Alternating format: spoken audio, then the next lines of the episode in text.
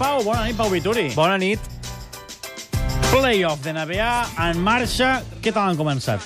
Doncs una mica castanya. Què vol dir una mica castanya? Una mica avorridot per sota de Clar, les ja no hi ha, expectatives. ja no hi ha rècord, ja No, no hi ha no, no. Kobe Bryant... També els Warriors són castanya? Perdona, no hi ha ni els Lakers, eh? Vull dir, encara que no Ja. s'hagués volgut retirar, no hi seria tampoc. No, no, ja, per això, per això. Uh, també els Warriors, què està passant? Que els favorits estan apallissant uh, els seus rivals en, aquesta, en aquests primers partits, per tant no hi ha massa història. I això que els Warriors uh, van patir un ensurt d'aquells grossos, perquè només començant el primer partit es va lesionar la seva estrella, Stephen Curry, al turmell, una zona on ha patit mm, bastantes lesions en el passat, per tant, van aparèixer alguns fantasmes, no va jugar el segon partit, van guanyar els Warriors, tot i això, diu, a, diu la franquícia que no és res greu. Eh, és dubte per al tercer partit que juguen demà.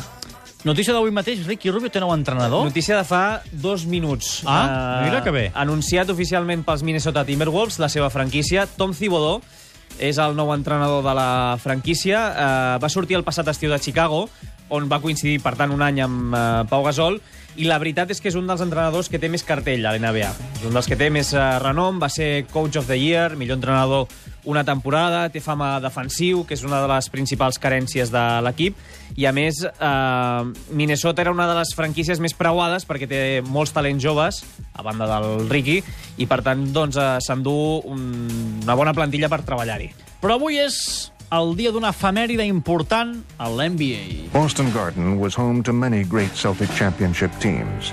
But the 1985-86 Celtics, led by three-time MVP Larry Bird, were truly something special.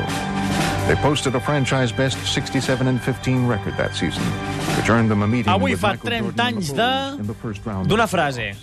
Déu s'ha disfressat de Michael Jordan. I no ho va dir qualsevol, eh? Aquesta frase no ho va dir un aficionat. question is, one man beat the Lakers, or do you need a more diversified attack today? Well, we playing the Boston Celtics. But, Qui va dir Déu s'ha disfressat de Michael Jordan? Estàvem parlant en aquesta introducció del Boston Garden, Boston Celtics, doncs un dels mites per excel·lència dels Celtics, com és Larry Bird. I per què ho va dir?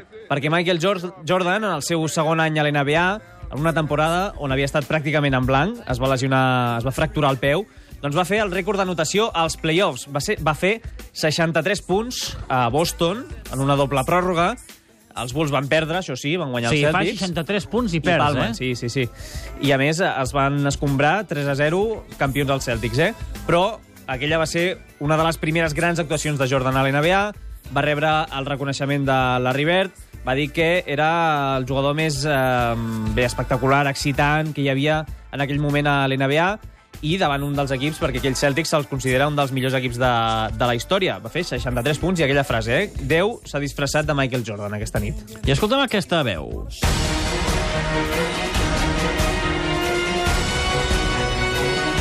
La màxima anotació d'Abrines estava en 21, per tant, Abrines supera la màxima anotació històrica del mallorquí en aquesta Eurolliga.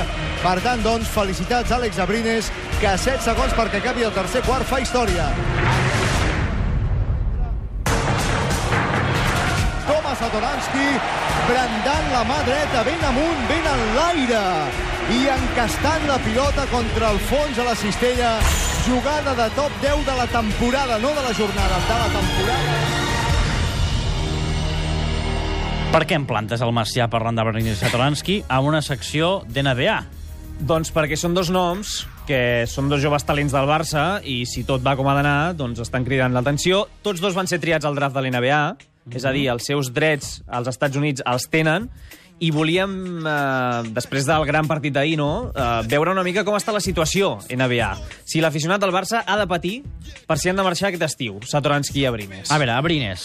Abrines, eh, tots dos van renovar, eh, han, renovat, han renovat aquesta temporada pel Barça, tenen clàusula de sortida a l'NBA. Abrines la té el 2017. Per tant, no hi ha moltes notícies a Oklahoma, que és, on, eh, és l'equip que té les seves seus drets, i a més estan pendents de Kevin Durant, la seva gran estrella, que acaba contracte aquest estiu. Per tant, aquí no hi ha, no hi ha perill. Abrines, en principi, seguiria la temporada que ve sense més problema. Correcte. I Satoransky? Doncs mira, Satoransky eh, ha cridat l'atenció que la setmana passada van aparèixer informacions a Washington de, que és l'equip que té els seus drets, perquè no, eh, diuen que no està descartat per la pròxima temporada.